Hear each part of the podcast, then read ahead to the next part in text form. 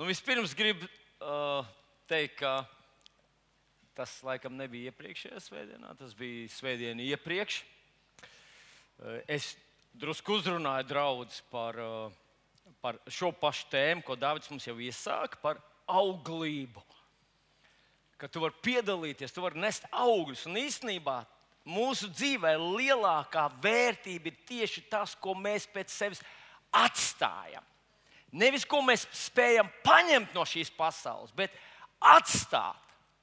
Un, ja mēs to ieliekam Dieva darbā, tas ir īpaši svētīgi un ietekmēs mūsu visu mūžību.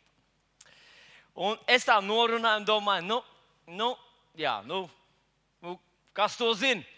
Tāds īsts uh, Dieva bērns, kas baznīcā ir gājis, teiksim, uz dievkalpojumu ir gājis. Uh, gadiem tā pierod pie mācītāja balss, ka apsēžās un tad aizpeld domās, vai ne? Un es pamanīju, pa, pavēru apkārt, apkārtējos. Tu nepamani kādu, kurš ir aizpeldējis? nu, bet Dievkalpojuma beigās man pienāca viens jauns puisis, pavisam jauns puisis, dod man aploksni un saka, es atnācu kā pie savas draudzes mācītāja. Un tas ir mans ziedojums. Viņš man iedod paprāvu aploksnīt. Nu, es biju mazliet pārsteigts. Es nebiju domājis, ka jādod man rokā ziedojums.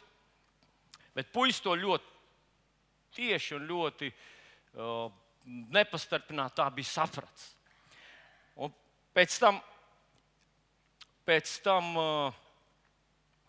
kad mēs izrunājām, pielūdzām Dievu kopīgi, es tā uzmetu skatu, tur uzrakstīs viņa vārds un uzvārds, un ļoti liels cipars. Man palika augsts mugurs. Fuh, bet beidzot izrādījās, ka tas ir personisks kods.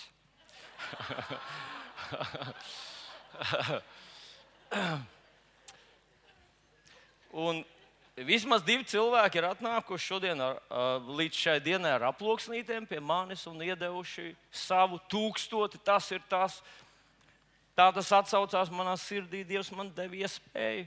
Un par to jauno puisi es pat domāju, Dievs, vai viņam vispār tik daudz naudas var būt. Dievs man uzrunāja precīzi to summu, es gribu to atnest. Es šodien izmantoju iespēju pateikt, lūdzu, nenesiet man personīgi. Jūs varat to pārskaitīt, varat ielikt ziedojumu tajā trauciņā, un, un tas tā rada tādu nērtības sajūtu. Lai gan, protams, es ar to daru to, ka, kas jādara. Bet slavu Dievam par augļiem runājot, Olīte mums tūlītās dos vēl vienu iespēju. Jo mēs jau neesam cilvēki, kas vienkārši pasēžam dievkalpojumā. Pareizi. Mēs esam tie, kas dzird un rīkojas. Iebiks tam, lūdzu, kurš sēž tev blakus, un mēs, Olīte, reku tev mikrofons blakus. Paklausīsimies, ko Olīte mums teiks. Jā, um, mums ir. Uh iespēja kaut kādā veidā palīdzēt, un varbūt tas ir tāds ļoti specifisks lieta, un tomēr tā ir saistīta ar mūsu būvniecību. Mēs esam tikuši pie viena diezgan pamatīga ozola koka koka, kurš ir paredzēts ciršanai. Un, uh, mēs uh, ļoti gribētu realizēt šo ozolu koksni. Uh, tiem, mm, kam tas būtu nepieciešams, vai galdniecībām, kādām, vai kādiem cilvēkiem, kas strādā ar koku. Un te nu mums ir vajadzīga tava palīdzība. Ja gadījumā tu zini, kādu, kas, kam varētu interesēt šis, vai tu pats varbūt gribi iegādāties šo svēto ozolu, kas ir uzaugusi Dieva namā. Ja? Tad pēc dievkalpojuma tu vari pienākt pie manis, jeb arī pazvanīt darba laikā, darba dienās uz biroju.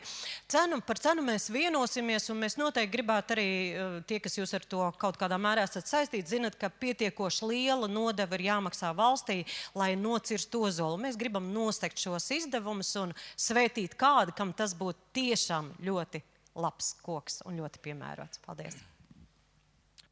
Nu, mēs, kā jūs saprotat, darām precīzi pēc Bībeles. Katru reizi, kad atnāca uh, valdīt ķēniņš, kurš bija dievbijīgs ķēniņš, viņš nocirta visas ozola pirzes, kur notika upurēšanas un tā tālāk. Protams, uh, mēs mīlam kokus un gribam zaļumus, bet šī gadījumā viņš ir iaudzis nepareizajā vietā vienkārši. Un tā. Un, nu, mēs lūgsim Dievu, labi? Aizver ciet savus acis. Tu esi atnācis dieva namā, un tev jāpasaka viņam tādu lūkšanu. Saka, mans debes tēvs, Es savu dzīvi saņēmu no tavas rokas. Man elpa, man spējas, man talanti, manas izdevības, panākumi, tie ir no tevis. Un šeit atnācu tavā priekšā. Atver savu sirdi tev. Un es lūdzu, Svētais Gars, uzrunā lūdzu mani. Palīdz man sadzirdēt, saprast un paņemt to savā dzīvē. Svētais Gars, palīdz man ieraudzīt, sadzirdēt saprast, apgaismo mans garāts. Atnāc tu kā mans patiesības skolotājs. Lieto vilni, lai viņš var pateikt to, kas man ir jādzird. Runā, kungs, tavs kalps klausās. Jēzus vārdā. Amen. Nu, iepriekšējā svētdienā mēs iesākām ar to, ka ieguvām tādu nelielu ieskatu jauno māmiņu klubā. Jaunām māmiņām ir tāds savs klubiņš, un viņas tur ir dažādas. Šī gadījumā, protams, mēs runājam par zooloģiskā dārza jaunām māmiņām. Un katrai bija savs termiņš, kā viņi sagaidīja savus bērnus, bet mēs, protams, runājam par atbildi no dieva. Ka dažkārt atbildes no dieva ir tā kā trusis, kucēns un zilonis kādreiz kādu īsu un ātru atbildi mēs saņemam ātri. Bet tas, ka atbildi kavējas, nenozīmē, ka atbildes nebūs, jo Dievs ir Dievs, kurš ir un kurš bija pagājušajā svētdienā. Kurš neatcerās neko, kas pagājušajā svētdienā tika runāts? Paceliet roku, kurš neatcerās. Kurš neatcerās līdz tam brīdim, kamēr es jums atgādināju? Tā, daži godīgi cilvēki ir. Jūs zināt, es ticu, ka Dievs, kad Viņš uzrunā kaut ko, Viņš gribētu, ka mēs par to, nu, tādu modernu vārdu lietošu, meditējam, pārdomājam, domājam par to. Ka mēs to pielietot sev, mēs tā kā saprast, kā manā dzīvē ir jā, kas manā dzīvē ir jāmaina, lai tas vārds, ko Dievs runā, lai tas pie manis nostrādā. Un es gribu teikt, ka tas ir tā kā tāda košļāšana. Nezinu, vai jūs esat kādreiz bijuši šašlīgā ballītē, un jūs redzat tādu brīnišķīgu uh, gaļas gabalu, un jūs paņemat to mutē, un izrādās, ka viņš nav tik mīksts. Ir jums tā kādreiz bijis? Un jaunībā mēs ar to tikām galā. Mums bija dzelzs zobi, mēs, mēs vēl kaulus šur tur nograuzām. Bet tad, kad tev gadi paiet drusku tālāk, nu, un, un, un tu jau sāc domāt par saviem zobiem. Tad tu kādreiz paņem tādu gaļas gabalu un tu domā, ārā spļaut vai veselu rītzemē. Un es gribu teikt, ja tu izspļaus, tu būsi pazaudējis daudz no barības vielām. Un tāpēc kādreiz ir jāpiestrādā. Bet garīgi ir tā, jo vairāk mēs piestrādājam, jo asāk mūsu garīgie zobi paliek jo spēcīgāk un spējīgāk saredzēt patiesību un paņemt to sev, mēs kļūstam. Tā kā ja tu vienmēr esi bijis tāds pasīvs, garīgs gremotājs, iebiks tam, kurš sēž tev blakus, tu dzirdi, viņš runā par manīm, pasaki viņam. Jā, jā, jā, jā, lielākā daļa mēs esam pasīvi, garīgi gremotāji. Ziniet, kad mēs kļūstam aktīvi? Kad? Tad, kad mēs esam bijuši kādā situācijā un esam pamatīgi dabūjuši pa degunu. Un tad mums kāds mācīja, kā tajā situācijā rīkoties. Es tāds biju Bībeles skolā, kad mēs tikko sākām būt mācītāji. Tā bija svētība, ka mēs kādu gadu bijām mācītāji. Un tad mēs aizbraucām uz Bībeles skolu. Es sēdēju katrā stundā, man bija acis kā prožektors. Es, kad bija iespēja uzdevot jautājumus, kad vēlāk es studēju teoloģijas fakultātē, es skatījos, mani kursa biedri gārlaikojās, nevienam nekas neinteresē. Bija tāds priekšmets, draudzes darbs. Un es jautāju tam pasniedzējam, kuram vajadzēja tagad mūs iemācīt, kā vadīt draugu. Es jautāju, kā tas jādara. Viņš nezināja un teica, ne, tev, to tev te neviens neiemācīs. Viņam bija kaut kādas koncepcijas, kuras viņš stāstīja, tur kaut kāds princips, bet reāli likās, ka viņš nekad draudz nebija vadījis. Un tāpēc es gribu tevi iedrošināt. Tavā dzīvē tā situācija, varbūt tu līdz šim viņā neesi bijis. Bet tas vien, ka Dievs šodien sūta vārdu, nozīmē, ka tu tajā situācijā būsi rīt. Un, ja tu esi savā dzīvē zaudējis kaut kādās situācijās, kaut kādās garīgās cīņās, tu esi izgājis no tām sakauts, tad tas ir tikai tāpēc, ka tad, kad Dievs sūtīja vārdu, tu vienkārši to palaidi garām. Tu sēdēji, lūrēji apkārt, varbūt čekoji e, e, e-mails telefonā, varbūt pārdomāji, ko varētu šonadēļ darīt, kad jau tas pavasaris nāks. Vai ne? Kurš ir kaut reiz atslēdzies dievkalpojumā? Uh, kurš ir kaut reiz aizmidzis dievkalpojumā? Kurš domā, ka vainīgs pie tā ir mācītājs? Pats lidros. Paldies jums! Paldies jums! Daži te ir tādi, kas apsūdz mani visos grēkos. Protams, ka mācītājiem ir jābūt pilnībai. Tas ir zirgam skaidrs, vai ne? Mācītājs taču viņš nedrīkst būt cilvēks vienkārši. Viņam jābūt pilnībai. Marks Tvens reiz stāstīja tā, ka viņš to bijis vienā dievkalpojumā. Viņš klausījās pirmās 15 minūtes, viņā tas viņu tā aizķērs, ka viņš ir gribējis noziedot 50 dolārus. Bet tad mācītājs tur runājas vēl 15 minūtes. Savu ziedojumu viņš samazināja no, no 50 dolāriem uz 25 dolāriem. Mācītājs norunāja vēl 10 minūtes. Marks Tvens saka, man ziedojums samazinājās līdz 5 dolāriem.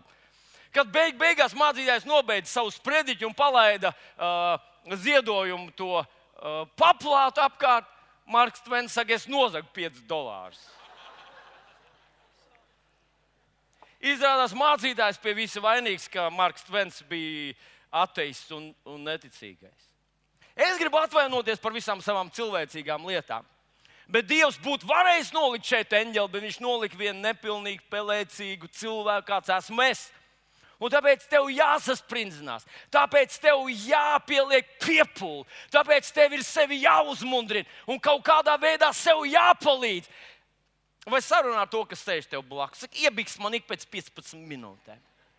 Un, ja tu redz, ka es iemiegu, nu, tad iekniep tā, lai es atcerētos to līdz dievkalpojuma beigām.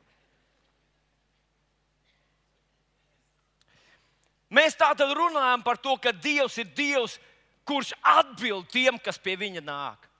Mēs lasījām raksturvietiņu no ebreju vēstures 11. nodaļas 6. panta, kur rakstīts, ka bez ticības nevar dievam patikt, un tam, kas pie dieva griežas, nāks ticēt, ka viņš ir un, un ko dara? Kam atmaksā? Kam? Kas ir? Jūs nezināt, vai? Kam? Tiem, kas viņu meklē. Dievs atmaksā. Tas ir pilnīgi tā kā, tā kā viņa vārds. Tas ir viņa būtība. Ja kāds nāk pie Dieva, Dievs viņam atbild. Ja kāds nāk pie Dieva, Dievs viņam atbild. Kāds nāk pie Dieva, Dievs viņam atbild. Mēs runājam par Abrahāmu, ka Abrahāms pieņem lēmumus pilnīgi pretējs visai biznesa loģikai. Bet Dievs teica, es tevi svētīšu. Dievs teica, es tevi padarīšu svētītu tu būsi liels, tagad tu būsi liela tauta, un tu būsi par svētību. Un Abrahams pieņēma pilnīgi pretēju lēmumu. Viņš gāja pilnīgi citā virzienā, bet darīja to ticības dēļ, uz Dievu. Atcerieties, tur ar to, ar to Zodomas ķēniņu, kad viņš teica, nē, nē, nē, es neņemšu visu to, kas man pienācās. Tas bija tā laika biznesa. Lai tu neteiktu, ka es esmu pievācis tavu bagātību, ka tu mani padarīji bagātu. Viņš it kā atteicās no tā, ko Dievs viņam bija solījis. Un Dievs teica, pats par šito gājienu es tev vēl svētīšu. Un tad viņš atdeva Latvijam visas tās auglīgās zemes, un ar savu milzu ganāmpulku devās uz tūkstnes. Un Dievs saka, nu par šito gājienu es tev svētīšu vēl. Un te ir tas mūsu lielais latviskais teiciens, sakām, vārds, labāk zīlīt rokām nekā mednis kokā. Abrahams domāja otrādi. Labāk Dievs apsolīja medni, lai šie dabū zīli. Tu, tu piekrīti Abrahamam, ko? Iebiks tam, kur sēž tev blakus, pasakot, es gribu medni, lai, lai tev tiek zīle.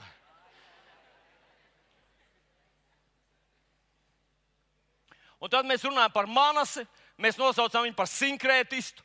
Cilvēks, kuram nepietika ar tēva ticību, ar tēva svētību, ar tēva dievu. Viņš savācās par pasauli visādus, nu, negribēju lietot nevienu latviešu vārdu, teikšu tādu oh, visādus suvenīrus. Viņš aizbrauca uz, uz, uz Taizemi, atved no turienes uh, super problēmu nomākt cilvēku, kurš smējās. Ziniet, tāds ir Budas statujas. Viņam ir šausmīgs problēmas ar lieko svaru, ar cukurslīvību un ar vēl visu kaut ko. Viņš atveda to figūriņu sev mājās, nolika blakus savai bībelītei un teica, bet es varu pielūgt arī to. Un viņš praktizē vēl kaut ko, vēl kaut ko, horoskops lasīja un, un iedziļinājās visās zvaigžņu zinībās. Viņš gribēja uzzināt, kas viņš ir vēzis, vai jaunau, vai, vai ūdensvīrs, vai vēl kaut kas, lai zinātu, kāds ir viņa dzīves ceļš. Un viņš tādā veidā sabojāja visu savu mantojumu. Un nonāca stāvu svešā zemē. Ar āķiem, tur rakstīts, ar īpašiem āķiem viņu sagūstīja. Ziniet, ko? Katrs tāds elks, katrs tāds suvenīrs ir āķis. Un, ja tu tāds tur sev mājās, sekcijā, priecājies par viņu, tu vienalga, cik viņi arī nemaksātu, no kā viņi nebūtu izgatavoti, tas ir āķis, kas tur tevi verdzībā. Es ar to ļoti sen jau tiku galā. Es sen visus šādus, šādus āķus esmu izsviedis ārā no mājas. Sadedzinājis, sasmalcinājis, sas, sadrupinājis. Varbūt kāds teiks, ak, Dievs, mežonis. Nē, es neesmu mežonis, es esmu ticīgs cilvēks. Man nevajag vēl vis visādas kaut kādas suvenīras. Man ir mans Dievs, un cita priekšā es nekad neliecos, es nelūdzu, nesaku tekstus, neraidu kaut kādas domas tajā virzienā. Man ir mans glābējs, viņam vienīgam pieder man dvēseli. Un tad viņš teica, Manasa, kad viņš atgriezās atpakaļ, viņš bija lūdzis Dievu, kad viņš atgriezās atpakaļ, viņš iztīrīja savu zemi. Viņš iztīrīja no visiem elkiem, sadedzināja visus suvenīrus, izmet ārā visus no taizemes, paizemes, maizemes un, un bolderājas atvestos suvenīrus. Visu viņš sadedzināja. Kam vien bija kaut kāda saistība ar dievaklībām, dievestībām, ar ticējumiem, viņš to visu likvidēja. Un viņš valdīja ilgi un laimīgi. Tāpēc, ka viņš palika uzticīgs savam dievam. Jo Dievs ir Dievs, kurš atbild! Saka, atbild! Aleluja!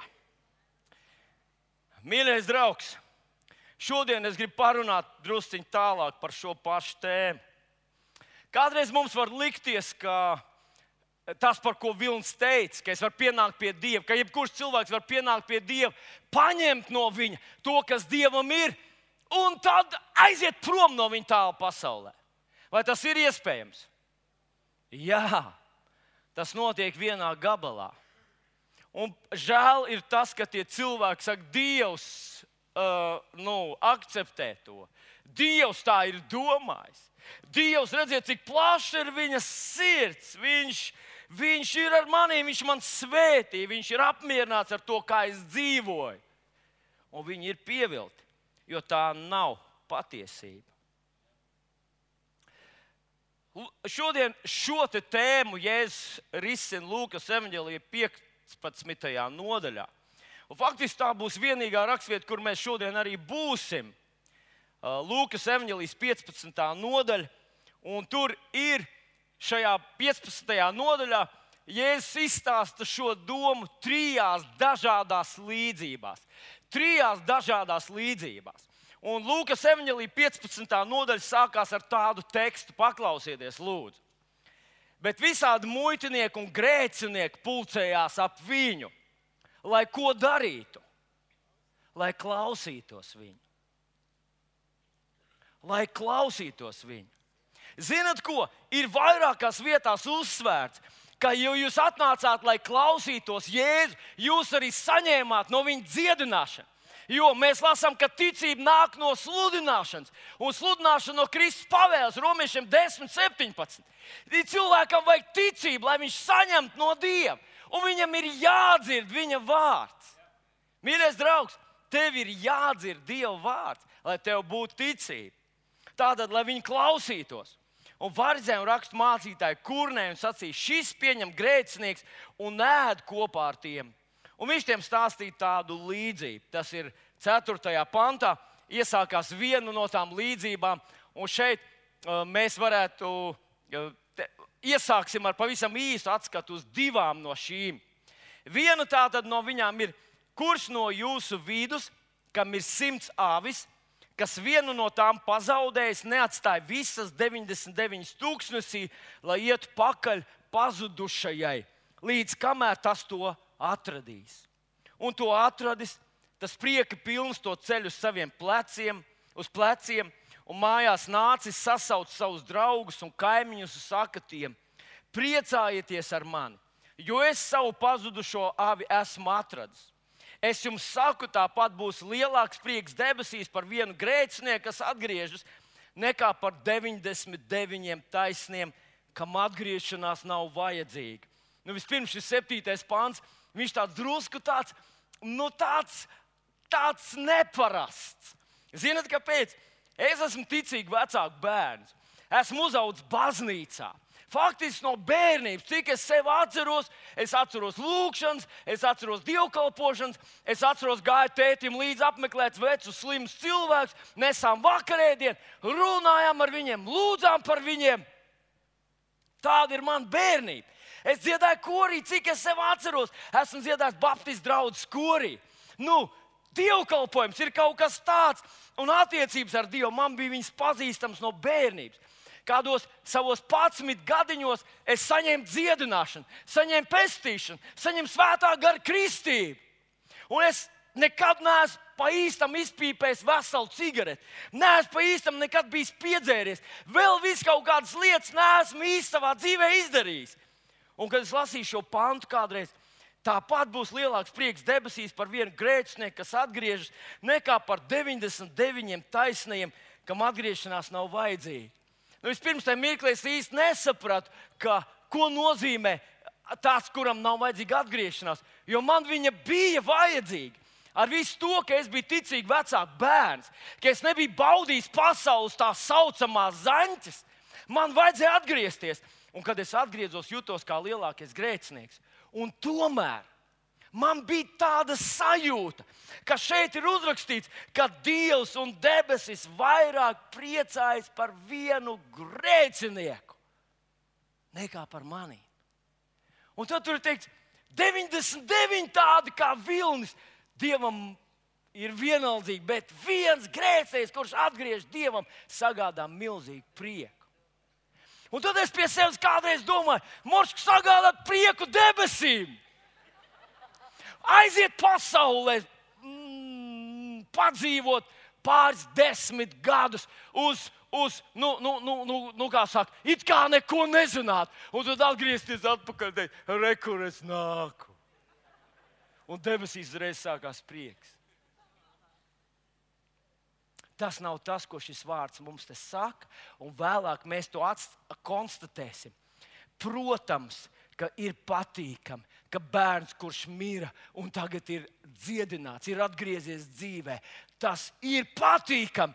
Bet vai mēs gribētu otrais iziet šo ceļu, vai mēs gribētu otrais piedzīvot kaut kādas tādas sajūtas un tādas situācijas? Mēs sakām, nē, un es esmu priecīgs, ka man bērni ir ar to kungu no bērnības, un es ticu, ka paliks ar viņu līdz pašam galam. Bet paskatieties, Šī tāda ir vīrs, kuram ir simts cāvis, un viņš iet meklēt to vienu. Un tad rakstīts, viņš ņem to saviem plecā, pleciem un nes un nāk mājās un priecājas par to, ka ir to atguvis. Simts cāvis! It kā pat varētu nepamanīt, bet viņam tā auss ir tik svarīga, tik dārga. Un viņš te runā par Dievu, ka Dievam varbūt ir daudz, bet viņš iet pakaļ katram, kurš ir paklups un katram, kurš ir nomaldījies. Viņš grib viņu glābt. Otra līdzība ir par sievu, kurai bija desmit graši. Desmit graši tas nav daudz, tas ir maz. Tas būtu tā kā, nu, tā kā mums ir desmit eiro. Viss, kas tev ir, ir desmit eiro. Un, ja tev ir desmit eiro, un no tiem desmit viens ir pazudis, tad tas taču ir diezgan liels zaudējums, vai ne? Vai jums ir kādreiz sajūta, ka desmitais tas taču tomēr ir šausmīgi daudz? Ko? Kuram nekad nav bijusi tāda sajūta? Aha, man vienīgam. Nē, arī man ir kādreiz, kad tev īpaši Dievs svētī kaut kādā veidā. Tu pēkšņi atskaiti desmit un skaties, ups! Un paldies Dievam, svētais gars tev saka, jā, bet paskaties uz otru čupiņu. Kur tad tu gribi sev paturēt šo vai, vai to? Dievs būtu varējis pateikt, es gribu, lai man ziedoja 90%, ja jūs gribat būt debesīs. Bet viņš teica, 10. Un tā, tas grases tai sievietē nozīmē daudz. Un tur ir rakstīts, ka viņa izmēž visu māju. Viņa aizdedzina sveci, izmēž visu māju un rūpīgi to pārmeklē. Un tad viņa to atrod. Viņa saka, re, kur ir? Re, kur ir? Man tagad atkal ir visi desmit eiro. Un varbūt, to uzreiz nevar pamanīt, to ļoti var pamanīt nākamajā līdzībā. Bet arī šajās divās ievēro, kas tur ir. Tā avs, kad viņš to atnes mājās. Viņš nesāk staigāt ar to avi visu turpmāko dzīvi ar avi plecos. Viņš to pievienoja savam ganāmpulkam, un tās avis uh, dzīvoja to ganāmpulka dzīvi, kāds tam vīram priekš savu ganāmpulka bija. Tieši tāpat ar to izglābto grāsi. Sieviete viņu atrada, tad viņa ielika savā makā pie atlikušajiem deviņiem, un tie desmit grāši kļuva par daļu no šīs sievietes dzīves. Viņi nebija, netika atrasti un tad palaisti, izmesti vai nodoti muzejā vai kaut kā savādāk. Nē, viņi kļuva par daļu no savu īpašnieku atkal dzīves, ko uz mirkli bija pazaudējuši. Un tieši šī ir tā ļoti svarīgā doma, ko ir svarīgi saprast, kad mēs sakām, ka tam, kas pie Dieva griežas, nāks ticēt, ka Viņš ir un ka Viņš tiem, kas viņu meklē, angļu teksts pieliek turklāt, kas viņu neatlaidīgi, kas viņu cītīgi, tie, kas patiešām grib viņu atrast, tie viņu arī atrod. Un šodien mēs runājam par to, ko nozīmē viņu patiesi pa īstam meklēt. Un es izteikšu vienu uh, pantu, tas ir no 50. psalma, kurš, manuprāt, jau izsaka šo domu ļoti stipri un ļoti konkrēti. Tātad 50. psalmā tas ir 15. pāns, kurš saka tādus vārdus: Un piesauc mani bēdu laikā, tad es izglābšu tevi, bet tev būs mani godā piesauc man bēdu laikā, un es izglābšu te. Piesauc man bēdu laikā, un es izglābšu te.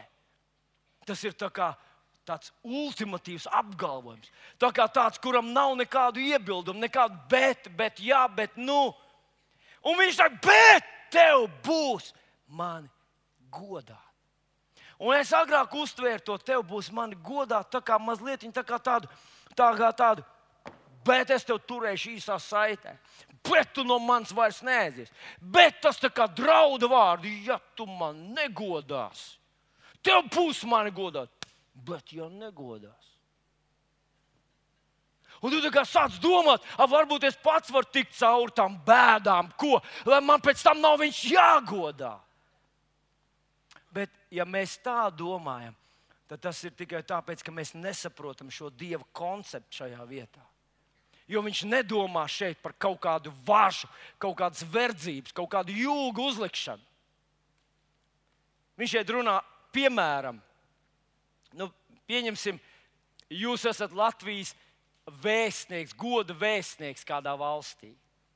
Sakiet, vai tas baigi smagais jūks ir? Ko? Tas nav jūks. tā ir īstenībā, protams, ka tur ir kaut kāda atbildība tam līdzi, bet tas īstenībā ir cieņas, uzticības. Tas ir tā kā, tā kā tāds īpašs statusa dāvana tev, ka tu pārstāv, tu esi tas, kurš reprezentē valsti. Vai kādas lielas organizācijas seja. Nu, mēs kādreiz lasām par kādiem aktieriem, kādām ļoti slavenām, pasaulē zināmām personībām, un tad lasām, ka kāda milzīga starpkontinentāla kompānija ir padarījusi viņu par savu seju. Mēs uzreiz domājam, ko? Ko mēs domājam? Nabadzīgs. Vai ne? Tā domājam. Nu, visi sportisti sapņo, ka Nike, viņš kļūs par Nike firmas seju. Un mēs reiz domājam, pats, cik tad kontā tur ir cipari, vai ne? Mēs domājam, tam gan ir paveicies. Tas gan, wow, nu gan viņi dzīvos. Nu gan viņiem tagad būs jauki. Un kad Dievs saka, es tevi izglābšu, un es tevi padarīšu par savu seju šajā pasaulē. Tas puisis neķēmojas, viņš vienkārši. Nu, Viņam vajag dievu žēlstību, viņš tā izsaka savas emocijas. Tas ir tas, ko viņš te saka. Un nu atgriezīsimies pie Lūkas evanģēlīja 15. nodaļas un paskatīsimies šeit no, no 11. panta. Lūkas 15. nodaļa no 11. panta. Un kādam cilvēkam bija divi dēli. Un jaunākais sacīja tēvam: Tēvs dod man piekrītošos mantas daļu. Tad viņš starp tiem sadalīja mantu. Pēc dažām dienām saņēmis viss jaunākais dēls, aizgāja uz tālu zemi, tur izšķieda savu mantu, palaidnīgi dzīvodams. Kad nu viņš visu bija izšķērdējis, tajā zemē izcēlās liels bats, un viņam sāka pietrūkt. Tad viņš nogāja un piemetās kāda, pie kāda tās zemes pilsoņa. Tas to sūtīja savā tīrumā, cūkas ganīt. Viņš būtu bijis priecīgs dabūt sēnās, ko cūks ēd, lai ar tām pildītu savu vēdru, bet neviens viņam tās nedēva. Tad viņš pie atziņas nācis sacīja, cik algāģi nav manam tēvam, kuriem maizes pa pilnam, kamēr es te mirstu badā. Es celšos un iešu pie sava tēva un sacīšu, Tēvs, es esmu grēkojis pret debesīm un pret tevi. Es vairs neesmu cienīgs, ka mani sauc par tavu dēlu un pieņem mani par vienu no saviem algāģiem un viņš cēlās un gāja pie sava tēva. Bet viņam vēl tālu esot, viņa tēvs to ieraudzīja, un tam kļuva viņš žēl. Viņš skrēja tam pretī, krita tam ap kaklu un to skūpstīja. Bet dēls tam sacīja: Tēvs, es esmu grēkojis pret debesīm, pret tevi. Es vairs neesmu cienīgs, ka man sauc par tavu dēlu. Bet tēvs pavēlēja saviem kalpiem: atnesiet ātri vislabākās drēbes un apģērbiet to. Mauciet viņa pirkstā grēdzenu un kurpes kājās, atnesiet baroto teļu, nokaujiet to, lai ēdam un līksmojamies. Jo šis mans dēls bija miris un atkal ir dzīves, viņš bija pazudis un ir atkal atrasts, un viņi sāka līksmoties. Bet vecākais dēls bija uz lauka. Kad nu viņš tuvojās mājām, viņš izdzirda mūzikas skaņas un dēļas troksni. Apstāsimies šajā vietā. Mēs par to vecāko daudz šoreiz nerunāsim, mēs runāsim par jaunāko. Un patiesība ir tāda, ka mēs visi esam bijuši tādi jaunākie dēli, mēs visi esam bijuši aizgājuši prom no mūsu tēva, esam izšķērdējuši visu, ko viņš mums bija sagādājis un ko bija devis. Un tad mēs, paldies Dievam, atnācām atpakaļ pie viņa. Tātad šī līdzība stāsta mums tādu situāciju, kā kādam ļoti turīgam tēvam. Un, uh, mākslinieks parasti attēlo to tēvu tādā, tādā ļoti zaļā vietā, tur aug viss kaut kas. Priekš Izraels tas bija, nu, tas bija skaidrs apliecinājums, ka tur, šajā saimniecībā, vai šajā valstī, vai šajā namā, tur viss ir diezgan. Tur ir rāvis, tur ir kalpi, tur ir saimnieks, kurš ir ļoti labi apģērbts. Un tad pa ceļu nāk noskrāns, salīdzis, kādos, kādos uh, mākslas darbos esmu redzējis, ka tāds jau ar, ar, ar ar pašķidru matu rotu uz galvas tas dēls atgriežas mājās. Viņš ir dzīvojis ļoti vētrainu dzīvi, to visu ir nopļāvis savā ķermenī. Tad viņš piedzīvojis grūtus, mm, tukšuma, un nabadzības un atstumtības ilgu, lielu periodu. Un nu, viņš saprata, ka viņam jāatgriežas pie tēva, citādi ar viņu būs cauri, citādi viņš vienkārši nomirs. Viņš atnāk mājās, un tēvs viņam izteicās pretī, viņu apkampi. Un tad seko visas tās lielās pārmaiņas. Dēls viņam saka, es neesmu cienīgs. Viņš runā ļoti konkrēti un patiesi no savas sirds. Es neesmu cienīgs. Es esmu nodedzinājis savu dzīvi, esmu nodedzinājis visu tavu bagātību, visu tavu īpašumu. Es esmu visus eh, lietošu tādu grieķu vārdu sačakarējis. Manas Mans smadzenes šūnas sadedzināts, aknas beigtas, mans rokas vairs nav tās. Tēvs, es vairs nevaru būt tavs dēls. Paņem mani par vienu no taviem strādniekiem, un es centīšos attaisnot tavu uzticību. Bet tēvs viņam skrien pretī, apkampi viņu, skūpsta viņu, un tad ko viņš dara? Ko dara tēvs nākošo? Tēvs pavēl saviem kalpiem, atnesiet ātri, skatieties, vislabākās drēbes un apģērbiet to. Protams, viņa apģērbs bija nožēlojams. Protams, ka tas bija, tas bija nu, noskrāns, netīrs, nemazgāts, smirdīgs.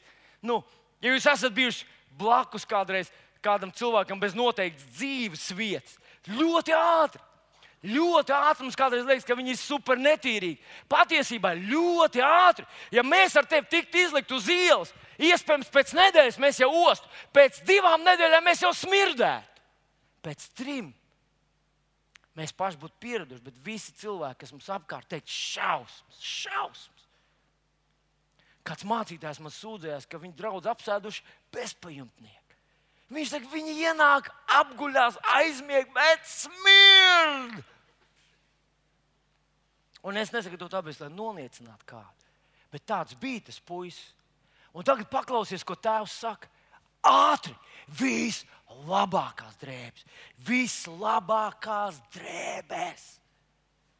Pagaid, paga, tēvs, kā jūs justos viņa vietā? Nu, es zinu, ka jūs nevarat sevi iedomāties tādā situācijā, bet nu, vienalga druskuļi padomājiet. Tu tikko esi bijis skrandās, Tu tikko apzinājies, ka tu esi smirdīgs. Tu tikko saproti, nu, ka, kur tu esi ienācis. Un tev saka, vislabākās drēbes. Vai tās būtu viegli uzvilkt? Ko tad? Man šķiet, ka nē. Man šķiet, ka nē, ka tās nav. Ja, Es gan neatradu tādu bildīti, kur šis pazudušais dēls ir tajās jaunajās drēbēs. Šis ir drīzāk Jāzeps, kuram tēvs dod tādas krāsainas svārkus uz šīs. Bet es domāju, ka tā bija tāda. Tā bija tāds liels izaicinājums viņam uzdrošināties, pieņemt šīs jaunās, vislabākās drēbes. Un drēbes Bībeles kontekstā runā par identitāti, par to, ko tu par sevi domā, kā tu sevi redzi, kas tu tāds esi. No tā ir atkarīgs ļoti daudz. Ja kas tu tāds esi, nozīmē, no kurienes tu nāc, tas nozīmē, ko tu vari, ko tu nozīmē, ko, kādu iespēju tu vispār vari atstāt šajā pasaulē. Un viņš saka, vislabākās drēbes! Varbūt kāds pačukstē, bet varbūt nevajag vislabākās. Varbūt pagaidām vienkārši kāda kārtīga, normāla apģērba. Bet tēvs zina, ko viņš dara. Vislabākās! Un tas dēls ir tāds izaicinājums priekšā. Viņam ir jāuzvelk vislabākās drēbes, viņam ir jāizmaina savs skatījums uz sevi. Mīļais draugs, tad, kad mēs atnācām pie kunga Jēzus, kad mēs viņu pieņēmām par savu kungu, mēs bijām noskranduši, mēs bijām garīgā nozīmē, mēs bijām miruši un smirdīgi. Bet tad mēs atnācām pie viņa, un viņš teica tieši šos pašus vārdus. Tajā pašā dienā Es esmu stāvējis šeit ar cilvēkiem, kas vēl smird pēc alkohola, pēc cigaretēm, kas vēl smird pēc vecās, aplamās, trakās, stulbās, dedzinošās dzīves, dedzinošās. Es domāju, viņa paša dzīves sveces, dedzinošās no visām trim pusēm. Bet viņi pieņem, izsaka savu lūgšanu, un es zinu, kas notiek debesīs. Debesīs Dievs pieceļās kājās un saka, ātri, vislabākās drēbes! Tur nebija nekāda viņa tā dēla nopelna. Tas bija tēva lēmums, tēva nopelns, vislabākās drēbes. Tas nozīmē, ka tagad es sev vairs nevērtēju, skatoties apkārt, kur es biju pie cūkas silas. Es vairs nevērtēju sev pēc savām stulbajiem vārdiem, kurus esmu iemācījies lietot tur, pie cūkas silas. Es vairs sev nevērtēju pēc draugiem, kas man cienīja tur pie cūkas silas, bet es sev vērtēju pēc tā, kā tēvs, ko viņš ar maniem ir izdarījis. Un es saku, kas es esmu? Kas es esmu? Dieva bērns. Jūs neesat dabūjuši verdzības garu, atkal Kristu bailēs, bet esat dabūjuši ko tad? Dieva bērnības garu. Dieva bērnības garu. Tālāk rakstīts, ja nu esam bērni, tad esam mantinieki. Kristus, uh, Dieva mantinieki, Kristus līdzmātnieki. Romiešiem 8, 15, 16. Kas es esmu? Dieva bērns. Es skatos uz savām drēbēm, un tas puisis bija izvēles priekšā. Vai nu vilkt to veco dziesmu, vai ieraudzīt sevi, ka es esmu Dieva bērns. Es esmu Dieva bērns. Romiešiem 8,29 ir uzrakstīts, ka tos, kurus viņš sākumā nozīmēs, tos viņš nolēma darīt līdzīgi savam dēlu tēlam, lai viņš būtu pirmdzimušais daudz brāļu starpā. Es tāds kā viņš. Tas tas, ko apstults Jānis mums raksta 1. Jānis 4.17, kur viņš saka, ar to mīlestību pie mums kļūst pilnīgi, ka mums ir droša paļāvība tiesas dienā, jo kāds viņš ir, tāds es esmu. Viņš nevarēja dzīvot savādāk tajā savu tēvu mājā, kā domājot par sevi, ka es esmu šī tēva dēls, es esmu šīs mājas mantinieks, es esmu ģimenes loceklis. Kāds viņš ir, tāds es esmu. Un tas ir milzīgs izaicinājums mums ar tevi. Un atnākt pie Dieva nozīmē pieņemt šo statusu, ka tu esi Dieva bērns. Dievs ir tavā pusē, tavu grēku ir piedot, tu esi dabūjis Dieva bērnības garu. Un 2. korintiešiem 5.17. rakstīts, tad, kas ir Kristu Jēzu, ir kas? Ir jauns radījums. Viss, paklausies, viss vecais ir. Viss ir tapis jauns. Jūs zināt, es piecēlos vienu rītu. Es nedēļu, kur rīt tas bija. Man bija sarunāta kaut kāda tikšanās ar kaut kādiem mācītājiem, kalpotājiem. Bet es piecēlos tāds, tā kā es nezinu, vai tev kādreiz tā ir bijis. Pamatā es pieceļos, es esmu tā kā tāds zvaniņš. Es jau zinu, ka es tarkšu pa daudz, bet es cenšos.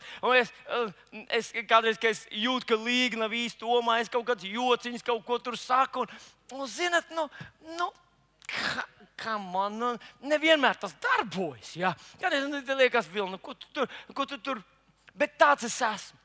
Bet tajā dienā, kad man jāiet tikties ar mācītājiem, es piecēlos tā kā tāds negaisa mākonis.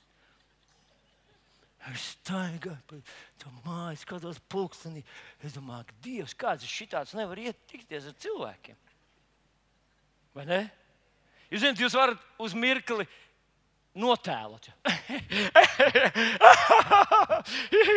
oh, nice to meet you! Oh, God loves you!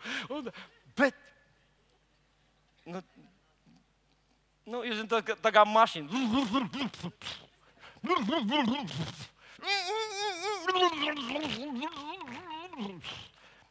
Un es, es, es domāju, es, man jāsūta ziņa, ka es nevaru šodien. Es esmu ļoti aizņemts. Bet tad es sāku šo te. Es saku, Vilni, tu esi jauns radījums. Kristu Jēzu, tu esi Dieva bērns. Dieva gars tevī mājo. Viss vecais ir pagājis, viss ir atnācis jauns. Tu esi Dieva svētīts, svaidīts, izredzēts. Dieva gars dzīvo tevī. Viņa augšām celšanās spēks, kā dzīvoja Kristu Jēzu.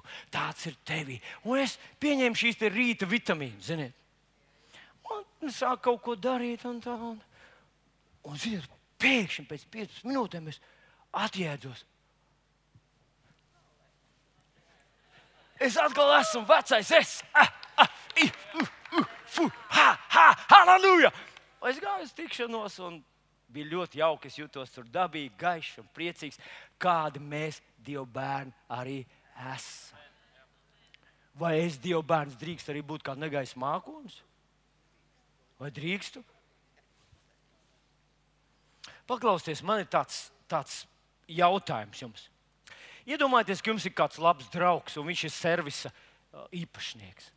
Jūs aiziet pie sava labā drauga servisa un skatāties, ka tur ir policijas mašīnas, viņas tiek remontētas. Un jums ienāk prātā tāda ķecerīga doma. Jūs sakat savam draugam, paklausies, es vienmēr esmu gribējis pabraukāt ar policijas mašīnu pa Rīgu. Iedod man to mašīnu. Un jūs, draugs, pē, protams, nav nekā vienkāršāk. Mēs viņu esam sataisījuši. Viņi paņems tikai rītā. Tev viss diena ir tavā rīcībā un tu iekāp policijas mašīnā. Ieslēdz rāciju, tu dzirdi tur. Tre, nu, es nezinu, ko viņi tur saka. Trešais, trešais iet uz kafejnīcu, piektais jā, nāk ārā no kafejnīcas. Nu, nu, jūs zināt, visas tās policijas lepenās sarunas. Tu klausies, ko viņi tur, kas notiek valstī, kas tur kur uzbrūk un kur kas tiek tagad arestēts un tā tālāk. Un tu ieslēdz to, kur mēs visi gribam ieslēgt. Ne? Un tagad tu domā, kur lai brauc? Vai tu spētu izbraukt pa brīvības ielu pie sarkanajiem pāri, tas pa pretējo joslu, visas dzītu malā? Tu spētu to darīt? Izrad? Iespējams, ka savā domās es tā kādreiz esmu pie sevis domājis vai es spētu tā vienkārši ignorēt visu, zinot, ka man neapstādinās, ka visi no ārpuses domā, tur iekšā ir policijas spēcvienība, draucās tur teroristus sagrābt kaut kur. Bet es secināju, ka es nespētu. Jo policijai jau būtu jābūt tai, kas rāda priekšzīmi. Un tieši tāpat ir ar mums, kad mēs esam pieņēmuši Jēzu par savu kungu, kad mēs esam apģērbti jaunās drēbēs, kad mēs esam tāds, kāds viņš tāds mēs esam šajā pasaulē. Katru reizi, kad mēs dzīvojam bailēs, kad mēs dzīvojam tādā, ziniet, tādā skopuma pārņem, par trīcam par sevi. Kad mēs nedroši esam, kad mēs raugamies nākotnē ar bailēm, domājam, ak, Dievs, ak, Dievs, kas notiks ar Eiropas Savienību, domājam, kas notiks ar maniem. Mēs esam tie policisti, kas izbrauc uz ielas un ignorē visus tos noteikumus, kas pašiem ir jāsargā. Mēs varam to izdarīt. Dievs mūs nesodīs. Bet patiesībā, ja tu apzinājies, kas tu esi Kristu Jēzu, ka tu apzinājies, kā Dievs tev redz, kā visi citi tev redz, tu nevari dzīvot vairs bez noteikumiem. Tu nevari dzīvot bez likumiem, kas nodrošina stabilitāti, mieru, veselību, harmoniju tavā dzīvē. Un tās ir tās jaunās drēbes, kur jaunam puisim bija jāpieņem. Un tad nākošais, kas bija? Jā, Viņš saka, mauciet viņam pirkstā gredzenu. Šodien kalpu teikt tā. Gredzenu, ak, Dievs, kādu gredzenu. Mums atņemt māsai gredzenu un dot brālim. Bet uh, sākotnēji gredzena nebija sieviešu rotas lietas. Sākotnēji, es domāju, vīri mums tas jāņem atpakaļ. Tā bija vīru padarīšana. Sievietēm, kas viņām bija? Šķidrauts ap galvu, lakats un, un, un uh, mētelis tāds, lai papēžs nevar redzēt. Un, un, un tā, tās bija tās sieviešu lietas. Vīrietis dzird, drīkst dzirdēt kaut kādu atbalstojumu. Viņš, nu, es jums pateikšu savu, savu priekšstatu par gredzenu, par kādu viņš runāja. Vienu dienu mums bija tāda starp, starpkonfesionāla biskupa sanākšana. Mēs tur parunājāmies, pielūdzām Dievu kopīgi, veidojam tādu dialogu starp draugiem, starp organizācijām. Un bija viens no Lutāņu jaunajiem biskupiem, nesaukšu viņu vārdu. Un viņš sēdēja pie galda, tā man pretī, un es skatījos uz viņu, un uz viņa rokas bija izteikts milzīgs zelta gredzens. Apmēram tādu, kā jūs redzat uz ekrāna, apmēram drusciņš savādāks, bet uh, milzīgs. Un, lai es sapratu, tas ir biskupa amata zīme, tas ir biskupa zelta gredzens. Un tur arī jūs redzat, uz, uz, uz, uz rokas reāli tāds, kuru nevar nepamanīt. Bet kāpēc tas gredzens ir? Tas gredzens ir kā varas zīme. Jūs kādreiz dzirdat, pareizticīgi saka, Uh, par uh, Vladika, kad viņi runā par savu, savu arhibīskapu, kā valdnieks. Un tad, uh, kad tradicionāli konfesionāli runā, tad viņi saka, valdošais biskups ir tas un tas. Un viņi domā ar to, ka redziet, šī garīgā autoritāte piešķir viņam varu, reālu varu un atbildību. Ar savu vārdu viņš var darīt šo vai darīt to. Viņš pieņem lēmumus, un viņa lēmumi kaut ko ietekmē.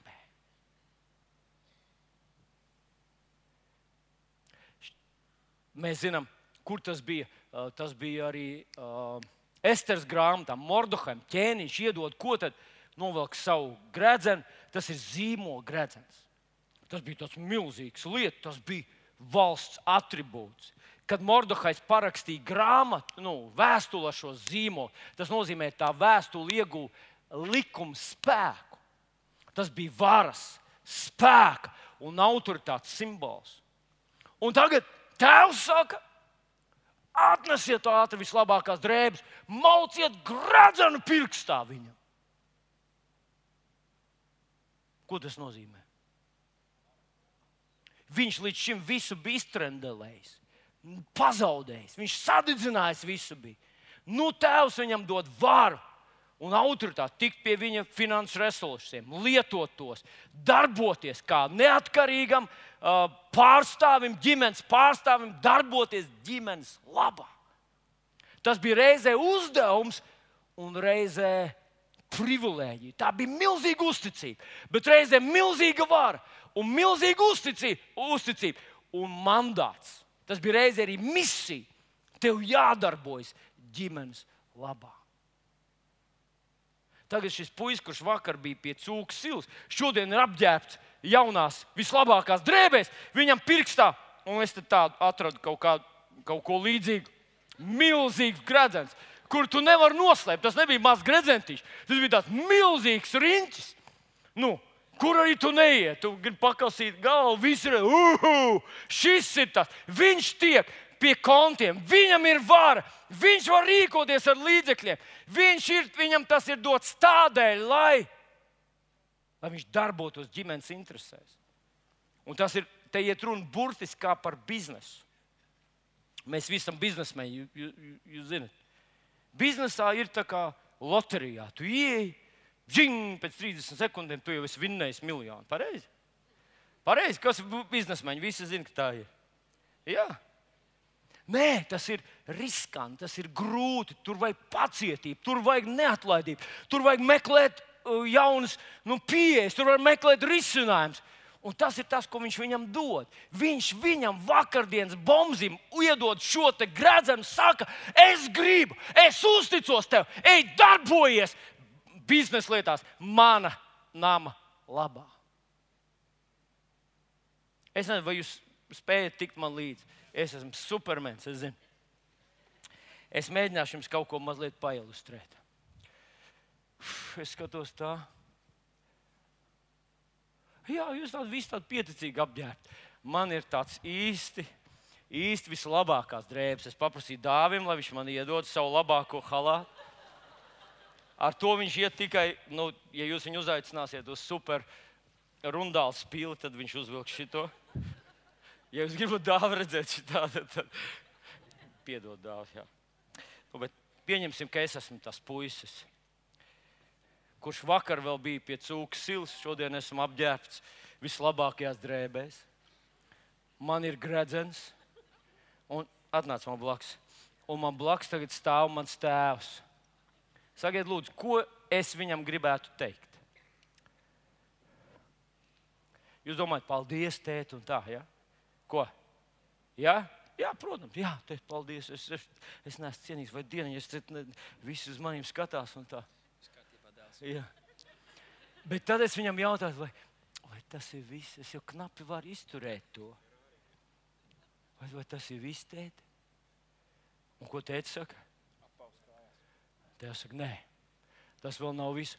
Un tad tēvs dara to, ko vienmēr jaunie pāri. Es esmu runājis ar simtiem pāriem. Pamatā visi, kad viņam jautā, vai mums būs liels kāzas, līgavens pirmais, kurš saka, nē, nē, mums neko lielu nevajag, mēs kaut ko maziņu pavisam ģimenes lokā kaut ko. Mums nevajag visu tos, tur visu to ambrāžu, visu tos tur daudz, vai dieni priekš, kā mums to visu nevajag. Bet tad tu parunā ar vecākiem, vecāki, kā, kā nevajag. Jauniešiem saka, tā, mēs ātri iekāpsim gultā, no rīta paprasīt, mēs esam sieva. nu, Tas ir tas, ko jaunieši domā. Mēs esam vi, mē, mē, mēs ātri. Tā ir mūsu darīšana. Tēvs un saka, kā, kas, pa, kas jūs bezpajumtnieki esat? Vai? Mums būs kārtas, būs aiz, mēs aicināsim to ģimeni, tur ir 15 cilvēki, to ģimeni, 30 cilvēki, to ģimeni, 40 cilvēki, to ģimeni, 80 cilvēki, to ģimeni, 300 cilvēki. Viņi visi atbrauks šurp, mums būs kārtas, mēs īrēsim. Nu, labi, viņi nevar noielēt rundāls, pilnīgi grib noīrēt viesu namu. Tur vajag pļāvu, tur vajag skriešanu, dancošanu, tur iesāksim trijos un nobeigsim 12. Un jaunieši saka, ka Dievs, mēs jau tā esam noguruši no tām super jaunām drēbēm, no tā gredzena vai vajag to visu ambrāžu? Jūs saprotat, par ko ir runa? Paldies! Un mēs lasām, vecākais dēls atnāk vakarā, un tur vēl vakarā mūzika, dēļas, dziesmas. Kurš tur jutās vissliktāk tajā visā? Kurš? Jā, jo viņš sēdēja pašā vidū, visi apkārt dejoja, visi tur nu, nu, priecājās, ēd. Viņš jutās tur šitā. Kāpēc tēvs to darīja? Kāpēc viņš nevarēja tā vienkārši, kā mēs būtu piezemēti ģimenes lokā, gladzeni nost? Pēc pieciem gadiem, pārbaudījis, lēnām sācis ar vistiņām, skaitu oliņas, atnes, un tad norīkoja vēl kādu grāmatvedu, lai pārskaitītu, vai nav ola pa ceļam pazudusi. Tā mēs būtu darījuši bet, bet tēvs uzreiz viņš teica, kaujiet vislabāko šito te. Klājiet galdus, lai visi sanāk, visa saime, visi rādi, visi lai ir klāt. Es gribu, lai viņi redz manu dēlu. Jā, bet tas puika varbūt gribēja teikt, bet tēt, nu, es, es nezinu, man sanāks tā. Varbūt ļauj man nu, kaut kā palēnām. Un ko tēvs saka? Un kā nesanāks? Jau sanāks! Tev sanāks. Jā, bet nu, es nezinu, man tā, es, es, es tā nērti jūtos. Dēls, tev ir jāiet. Es ticu tev, es tev atbalstu. Es esmu par tevi, jo haidīrām tēvs paliek dusmīgs. Es, es tā būtu. Tu, es tev atbalstīšu, es tev palīdzēšu, es būšu tev klāt. Dēls, tu ir jāzina visiem, kas tu esi.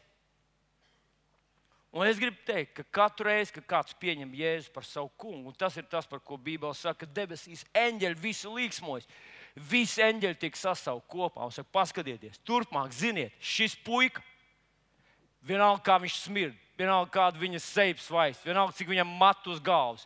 Tas ir mans dēls. Mēs viņu atbalstam. Visi. Viņam viss izdosies. Viņam sanāks. Viņš nenolūzīs pusceļā. Viņš vairs neaizies atpakaļ. Tas ir mans bērns, un mēs visi viņu atbalstam.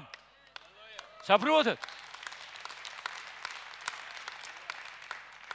Par visiem mums viņš tic pilnīgi tā fanātiski, pilnīgi ne, nevilcinoties, pilnīgi nekautrējoties ne no viena.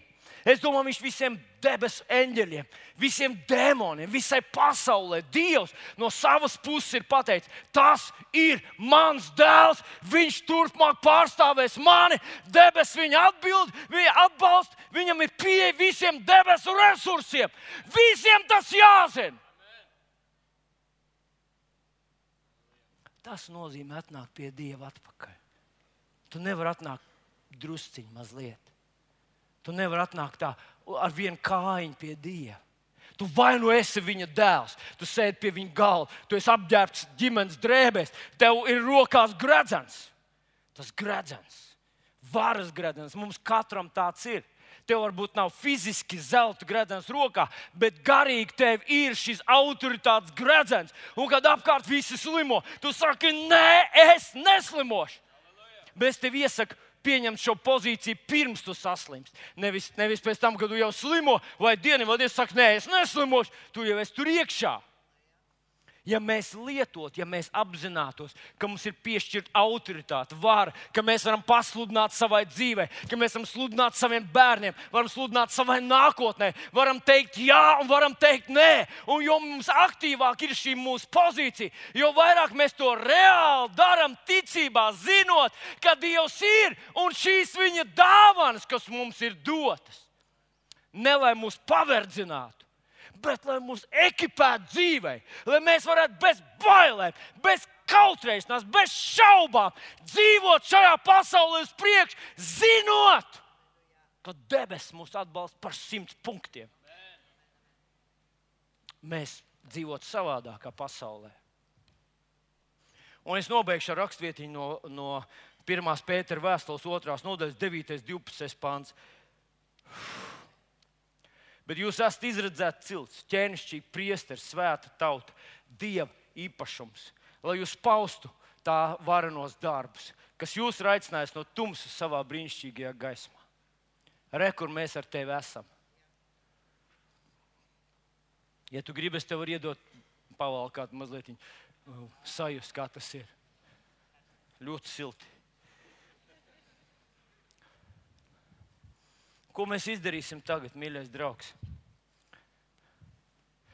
Es gribētu, lai tu paskaties uz sevi šajos trijos aspektos. Tas pirmais ir, vai tu staigā un es pieņēmu šīs super dārgās, super labās drēbes. Vai tu redzi sevi kā tādu dievu bērnu? No rīta, kad tu slikti jūties, vai vakarā, vai tad, kad tev ir makā nauda, vai kad tev nav makā naudas, tad, kad tev ir temperatūra, vai tad, tad kad tev tās nav, vai vēl kaut kāds problēmas, tavs varbūt pelēkā ikdiena, kas nogalinājis tik daudz varoņus. Kad vienkārši ir jāiztur, jāpaliek, jāpaļaujas, jo zinot, ka no Dieva atbildi kādreiz nāk lēni, bet viņi atnāk. Vai tu redzi sevi šajās jaunajās drēbēs? Vai tu redzi to gredzenu, kas tev ir reāli ir iedots pirkstā, uzmaugs savā pirkstā, varas gredzens, spēka gredzens, pilnvaru gredzens? Vai tu to redzi, vai tu to lieto? Vai tu apzinājies, ka tu esi šajā pasaulē nolikts Dieva valstības dēļ? Tu esi šeit ne tikai sevis dēļ, ne tikai lai tu varētu pateikt, ka tu neslimos ar gripu, ne tikai lai tu pateiktu, ka uh, nabadzība un krīzes tevi neskars, ka tās ies garām, ka tavs bērns tā nepaņems, ka grēks nepaņems tavu attavs atvests un tavu ģimeni neskars. Bet lai tu reprezentētu šeit debesu valstī. Tu esi debesu valstības, tajā seja, tajā vidē, kur tu esi, un to nevar atcelt. Tā ir privilēģija, tas ir gods. Un, ja tu tajā dzīvo, ja tu ar to dzīvo, ja tu nekautrējies no šīs varas gredzena, tad tas darbosies priekš tevis. Un tas trešais, tu nevari sev noslēpt. Visi zina, kas tu esi. Tāpēc labāk esi, kas tu. Jēzus vārdā. Un viss sacīja, piecelsimies kājās. Mīļais debes Tēvs, te mēs stāvam Tev vajag priekšā kā draugi. Mēs pateicamies, ka mēs visi esam varējuši atgriezties Tavā mājā. Mēs pateicamies, ka Tu mūs apģērbi šajā jaunajā radījumā. Mēs pateicamies, ka mēs esam līdzīgi mūsu kungam, tavam dēlam, Jēzum Kristum. Mēs pateicamies, ka tu mūs nevērtē pēc mūsu caurkritieniem, bet pēc tā, ko tu esi priekš mums izdarījis. Mēs tev pateicamies, Tēvs. Mēs pieņemam, tu pasaki, es pieņemu šo savu statusu. Kristu Jēzu. Manis dēļ viņš tika padarīts par grēku, lai es viņā būtu Dieva taisnība. Es esmu Dieva taisnība. Kristu Jēzu, svēts, taisns, pilnīgs, jo Kristus mani tādu ir padarījis. Pateiksim vēl vienu rakstījumu. Viņš izdeldēja pret mani vērstu parādu rakstu. Ar visām tā prasībām.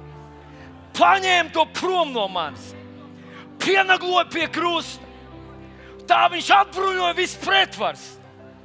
Tās atklāt kaunā likdams. un uzvar svinēdams par viņām. Es esmu šajā uzvarā, Kristu Jēzu. Paldies, Tev, debes Tēvs.